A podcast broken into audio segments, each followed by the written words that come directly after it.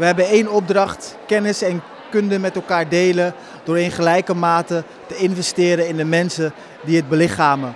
Want verhalen is een religie die de grenzen van onze verbeelding in gang kan zetten. Een verzameling getuigenissen ten dienste van de gemeenschap en haar ontwikkeling. Welkom bij een bijzondere podcastaflevering rechtstreeks vanaf ons grootste jaarlijkse event voor bibliotheekprofessionals, Bibliotheek Plaza. Ik ben Maaike van Pelt. En ik ben Jantine Zeeman. Samen zijn wij adviseurs bij ProBiblio en we zijn blij om deze aflevering voor jullie te verzorgen. Bibliotheek Plaza is het congres voor iedereen die geïnteresseerd is in de toekomst van bibliotheken.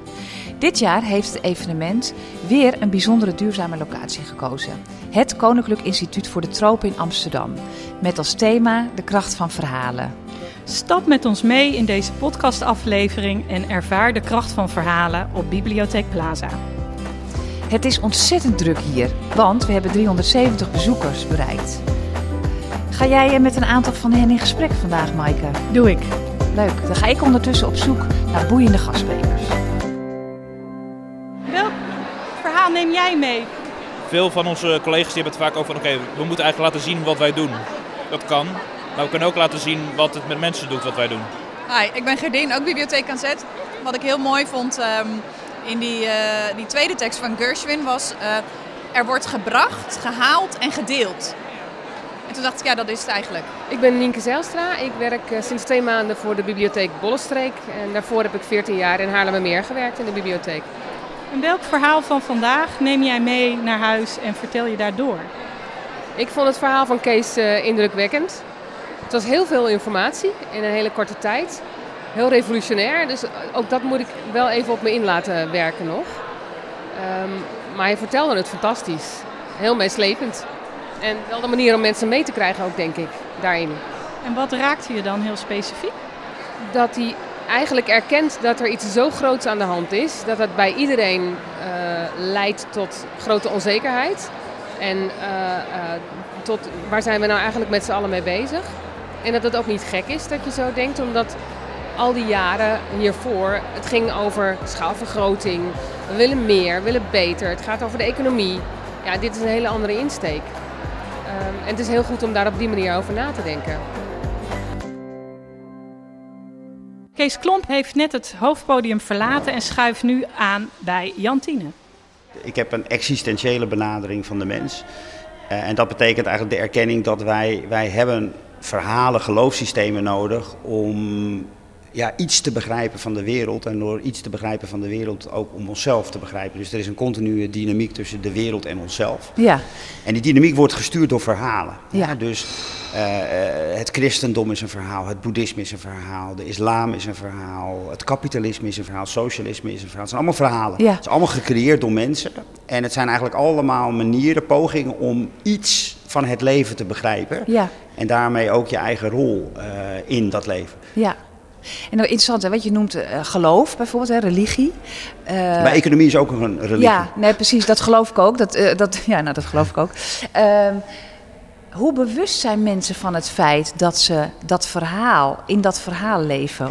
Of in dat verhaal geloven? Nou, dat is niet. En, daar, en dat is dus ook meteen voor mij, ja, je zou kunnen zeggen, de theorie van betekeniseconomie. Ja, Ehm, want een, een ongelooflijk belangrijk gedeelte van alles wat wij in de economie doen, hè, wat gaat om materiële bezigheden, hè, het gaat altijd over goederen en geld, wordt dus eigenlijk gestuurd door dat existentiële beginsel. Ja. Maar omdat we dat helemaal niet bewust zijn, nemen wij de verhalen die we creëren en, eh, eh, en dus ook het doen en laten binnen die verhalen, ja, nemen wij eigenlijk aan gewoon voor een soort van neutrale eh, werkelijkheid, voor Ja. een objectieve eh, eh, constatering. ja, en dus lopen we er ook allemaal massaal achteraan vanuit het idee ook. En dat is nog veel belangrijker. Dat ja, zo is het dus. Een, zo is het nu eenmaal. Hè. Ja. De, de, we kunnen dit niet veranderen. Eh, terwijl in essentie, ja, het is niet, niets anders dan een, eh, dan een verhaal. En, Ja. en, ja, en dat geldt niet in de minste plaats voor economie. economie ja, ik, ik benader economie dus ook als een geesteswetenschap. Het is 100% levensbeschouwelijk. ja. Het heeft helemaal niets te maken met die wiskundige formules. Nee. Want die wiskundige formules zijn eigenlijk allemaal gebaseerd op veronderstellingen die eh vat hebben gekregen op eh, verhalen. Op Ja. een bepaald soort manier van denken en, eh, en doen. Ja, ja. Dus die bewustwording bij mensen, nou ja, ik merkte het net al, ik heb net je voordracht gehoord. Uh, die bewustwording is volgens mij heel belangrijk. Dat die is cruciaal. Hè, ja. dat, je, dat je dat begrijpt en beseft. Nou ja, want pas als we, als we beseffen dat we in verhalen leven, kunnen we het vervangen voor andere verhalen. Hè? Ja. Dus op het moment dat je niet beseft dat je in een verhaal leeft, is dat de werkelijkheid. En ja. dan voelt het. Hè, en dat, ik, wil dat, ik wil daar ook niet. Uh, bagatelliserend over doen. Hè. Ja, mensen die een, een, existentiële crisis hebben meegemaakt, ja. Hè, dus een diepe depressie bijvoorbeeld, uh, die weten wat het is uh, om je identiteit kwijt te raken. Want dat Ja. is wat een existentiële Ja. crisis is. Ja, En dat is, dat is sterven. Dat is gewoon e- emotioneel, mentaal sterven. Je, je identiteit sterft. Je moet iets achterlaten om verder te kunnen gaan. Wat gepaard gaat met grote, diepe onzekerheid en. Gevoelens van depressie, et cetera. Eh, en daar staan wij nu ook voor. hè. Ja. Dus ik vind, dat we, ik vind dat we daar niet eh laagdunkend over moeten, moeten doen. Dat maakt de crisis zo ongelooflijk ingewikkeld. Want we moeten een verhaal wat ons heeft gemaakt vervangen voor een ander verhaal. En dat kan niet anders dan gepaard gaan met een enorme donkere nacht van de ziel. ja. Hey, nou vertel jij, je vertelde ook letterlijke verhalen. Je zat net op het podium Ja, met, De je, Regenmaker, met je boek ja. De Regenmakers. En eh, vertelde een verhaal dat ik dacht, oh wat heerlijk om ook weer voorgelezen te worden. Eh, dacht ik meteen. Ehm, een van de dingen die ik over jou las, is dat je eh, veel doodsbedreigingen hebt gehad. Ja, En eh, nou veel, eh, te veel, ja. nou, ik, nou, ik denk dat één- ja. ik, ik zou één al een beetje Nee, te nee, veel het zijn er veel meer dan één, maar eh, ja. Maar toen dacht ik, dat is natuurlijk ook wat, wat het vertellen van verhalen dus doet. Is dat, dat je dit soort reacties krijgt. Nou, kijk, ik denk dat dat dus vooral komt door dat, het existentiële karakter van het verhaal wat ik vertel. Kijk, ik, kijk heel veel mensen voelen eh, zich misschien niet per definitie super tevreden met de huidige situatie. Maar ze begrijpen de huidige situatie nog in ieder geval. Het it makes sense. Ja, En als er dan iemand komt die, eh, ja, die hardop eh, zegt van alles moet anders worden en het, het systeem zoals het nu gaat is tot op het bot toe verrot. Ja, er zijn mensen die daar heel erg slecht mee om kunnen, kunnen gaan Ja. en die dus in weerstand eh, gaan. Dus die gaan vechten tegen die boodschap. En, als, ja, en dan ben ik degene die die boodschap verkondigt en dan gaat het, keert het zich ook tegen mij. ja. Het, ja. was, het, was, het, wat- het, draaide, het draaide vooral om de regenmaker. En wat Ja. ik vooral heel moeilijk vond, was dat dat het hele verhaal met een en al met liefde en constructiviteit is omgeven. Ja. Dat, hè, dat hele verhaal is ontstaan uit liefde. Iedereen die er heeft meegewerkt, heeft er meegewerkt uit liefde. Dus ik had hem echt oprecht niet zien aankomen dat mensen dat als een, eh, ja, een enorme eh, aanval Ja. eh, hebben ervaren. Ja, ja. En, en dat, op, dat, op zich is dat dan ook weer leerzaam. Je Ja. Oké, dat- ook, dat is- ook dat is een verhaal. Ja, ja, zeker. Nou heb ik je net gehoord over onderwijs bijvoorbeeld. Hè? Dus, dus eigenlijk waar, waar is het onderwijs nu heel erg op, op gefocust en waar zou het eigenlijk op gefocust moeten zijn? Ja. Wat ook heel erg over die existentie gaat, volgens mij. Zeker. Als ik dat goed heb begrepen. Ehm, waar ik aan over na moest denken toen ik dit voor zat eh, te bereiden. Ik dacht, nou, en, en wat ik net, je net hoorde zeggen, het is dus heel erg aan ons en in ons om, eh, om die verandering teweeg te brengen. Nou is, zijn, nou is het ook bijna verkiezingen. Ja. Eh, wat, wat, wat, zou jij, wat zou je tegen een kiezer willen zeggen?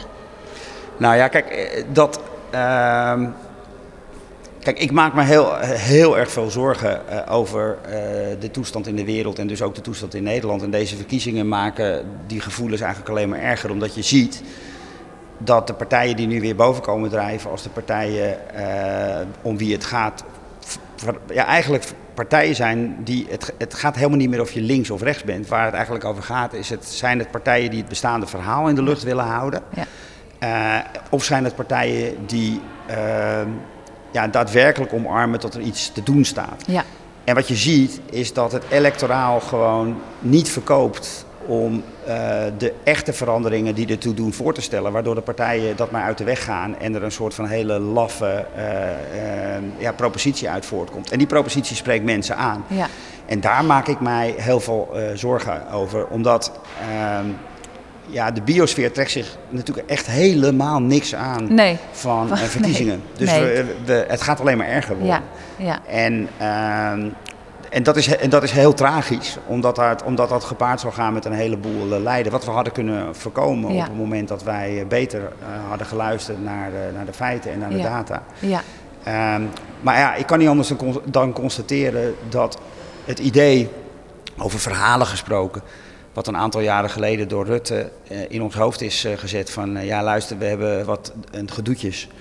Uh, maar blijft u vrolijk door barbecuen, we regelen dit wel even met u. Dat dat Ja. toch het verhaal is waar we met elkaar in willen geloven. Ja. En, en als je dat dan vervolgens matcht met de wetenschappelijke werkelijkheid die ik dagelijks tref als ik praat met ecologen en klimaatwetenschappers en biologen.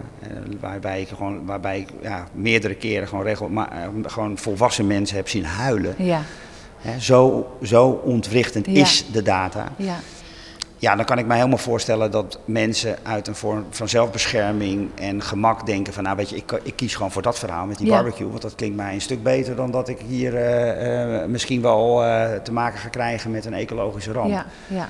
Dus het is, ja, we, ja, we, worden, we worden gevangen gehouden eigenlijk Ja. door een verhaal. Ja, hey, en ehm, eh, hoe, even, dat is mijn laatste vraag Ja. ook aan jou. Hoe zouden we met elkaar dat andere verhaal kunnen maken?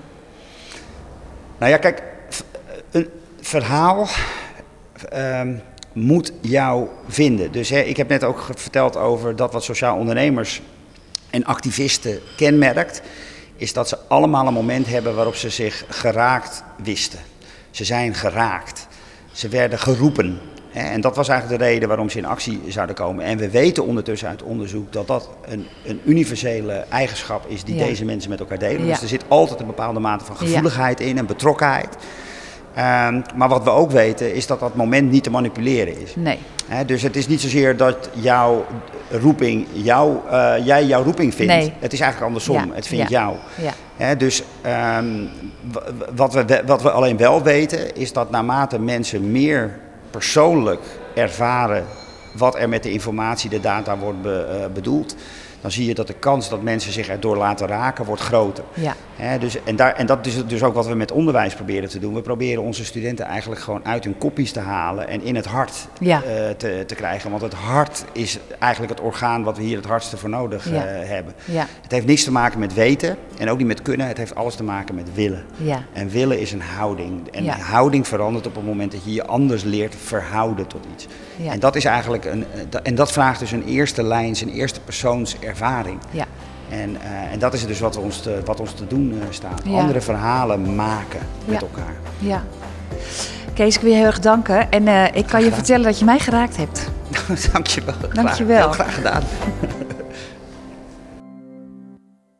Hi, ik ben Sascha Triebel, ik ben van OBA Next. En wat heeft mij vandaag geïnspireerd? Ehm, ik vond vooral de voordragingen van Gershwin echt heel mooi. Eh, ik denk dat het gewoon aantoont hoe je met een verhaal een hele zaal stil krijgt. En het gewoon gaat leven in je en je een inspiratie voelt die je misschien niet kan uitleggen, maar die je meeneemt. Dus dat heeft mij vooral geraakt. Mooi. En heb je ook daar een specifiek gevoel bij? Of is er een woord of iets wat je denkt, daar ga ik toch iets mee doen? Of ga ik mijn collega's over vertellen of mijn vrienden? Ik denk waardevol. Omdat hij een verhaal ehm, illustreert wat je raakt. Op verschillende manieren misschien. Ehm, vooral het eh, gedicht over kinderen.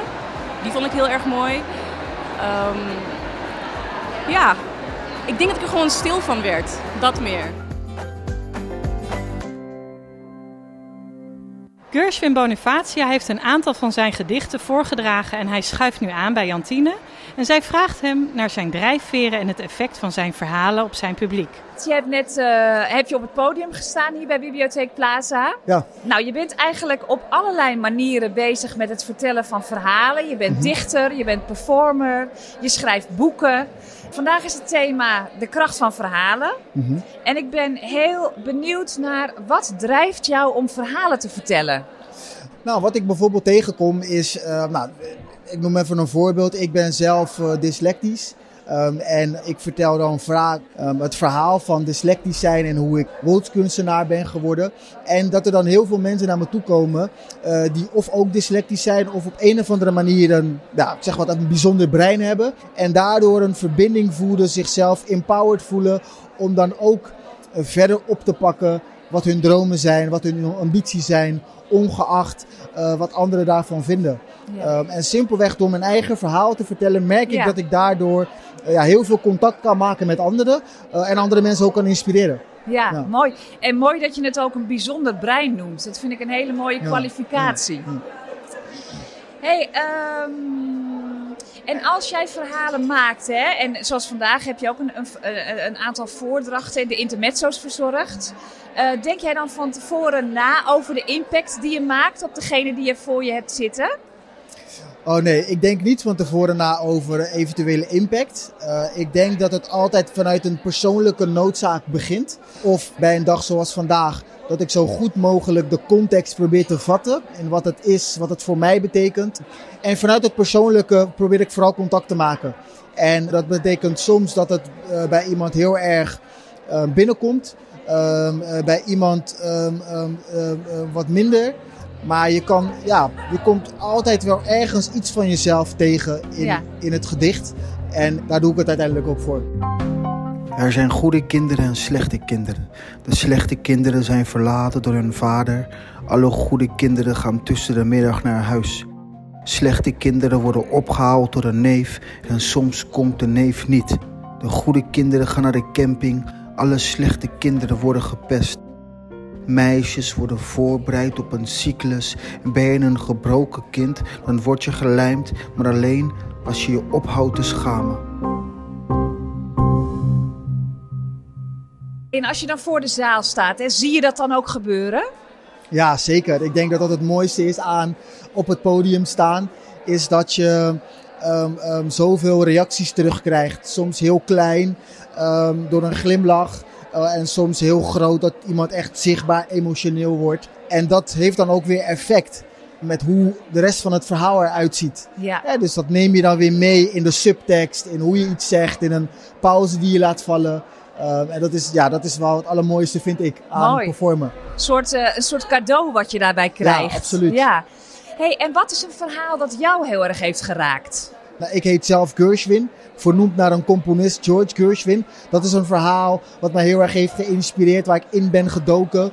Uh, maar ik heb ook um, drie jaar geleden uh, ben ik in een rol van Martin Luther King gedoken voor een theatervoorstelling. Dat is ook weer een verhaal dat me heel erg inspireert. Ja. Um, nou, zo zijn er, ja, zijn er zoveel verhalen.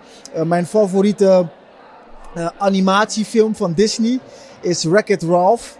Dat is dan weer een verhaal over een, uh, een meisje die een, uh, een race, een, een racecoureur wilt worden, maar daarin wordt ontkend. Um, en uiteindelijk blijkt zij dus de beste te zijn en op die cover te staan van, van die cover, van, van, van dat uh, spel, van die Ja. arcade spel. Uh, dat vind ik een mooi verhaal. Dus zo um, ja, heb ik heel veel verhalen die mij inspireren. Ja. Ja.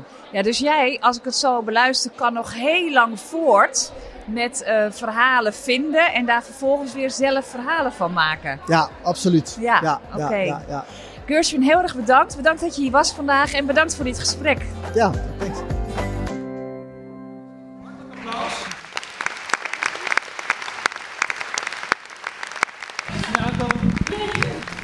nogmaals gefeliciteerd, Merel. Nogmaals gefeliciteerd. Van harte. Merel Kuitert, jij bent jeugdbibliothecaris uh, van het jaar geworden. Je werkt bij uh, Noordoost-Brabantse bibliotheken. Van harte gefeliciteerd. Heel erg bedankt. um, ja, de jury zei over jou: jongeren hangen aan haar lippen. Um, wat betekent deze prijs voor jou? Ja, uh, een heleboel. Ook voor onze organisatie denk ik wel. Want wij hebben gewoon, ja, ik denk dat elke organisatie dat zegt. Maar wij hebben gewoon zoveel hele bevlogen collega's. Ja, wat betekent deze prijs voor mij persoonlijk? Een, uh, ja, een stukje waardering natuurlijk, uh, vanuit ja, van buiten. Maar ook gewoon, ja, ik weet gewoon even niet wat ik moet zeggen, want ik vind het zo, zo vet. Um, ja, gewoon wat voor vette organisatie wij werken. Dat zegt die prijs eigenlijk voor mij. En ook dat ik hoop dat jongeren dat ook kunnen beamen. Dat uh, die uitspraak van jongeren hangen aan haar lippen, um, dat ik jongeren gewoon nog veel meer kan enthousiasmeren. En uh, ja, daar hoop ik heel erg op. Ja. Mooi. En welk verhaal um, vanuit jouw werk heeft jou echt geraakt in je hart en zou je met ons willen delen? Um, Oeh, dat vind ik heel lastig. Een specifiek verhaal vind ik moeilijk om nou op te komen. Maar wat ik het allerleukste uh, terugkomende verhaal vind, zijn jongeren die eigenlijk niet zo van lezen houden. Ehm, en die ik ooit misschien een tip heb gegeven, of die wij ooit een tip hebben gegeven. En die dan echt terugkomen met mevrouw, u heeft me vorige keer zo goed geholpen. Kunt u me nog een keer helpen met een bieboek uitzoeken? En vooral als die jongeren echt niet van lezen houdt en als met zo'n lang gezicht binnenkomt van ik moet een boek lezen voor school. Dan is dat echt magisch als ze nog een keer binnenkomen en dan uh, vragen of je nog een boek voor ze mag uitzoeken. Ja. Heel mooi. Ik wens je heel veel succes en uh, geniet van je mooie titel. Ja, dankjewel. Dat gaat wel lukken, denk ik. Wie wordt de beste bibliotheek 2023?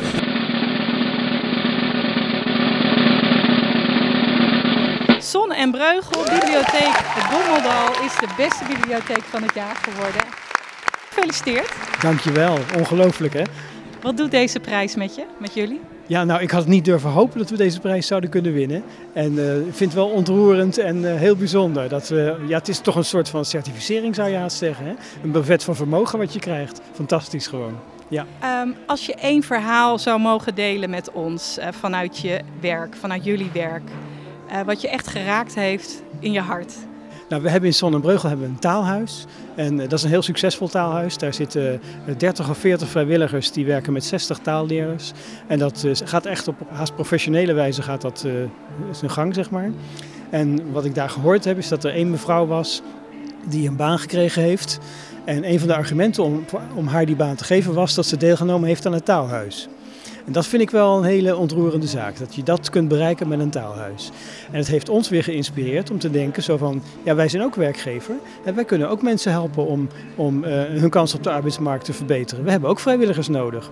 Dus er zijn nu een aantal vrijwilligers uit het taalhuis die bij ons in de bibliotheek werkzaamheden verrichten. Nou, dat is toch fantastisch als je het op die manier kunt doen. Heel mooi. Dankjewel en uh, zet het voort, het mooie werk dat ja, jullie verrichten. Dat gaan we zeker doen. We hopen dat je hebt genoten van de inzichten en verhalen die je hebt gehoord. Aan alle bezoekers en sprekers die aan het woord kwamen in deze aflevering. Dank voor jullie enthousiasme om de kracht van verhalen met ons te delen. En dank jou voor het luisteren. Tot de volgende aflevering. Dan gaan we naar bibliotheken waar zij als schatkamers van verhalen aan het woord komen.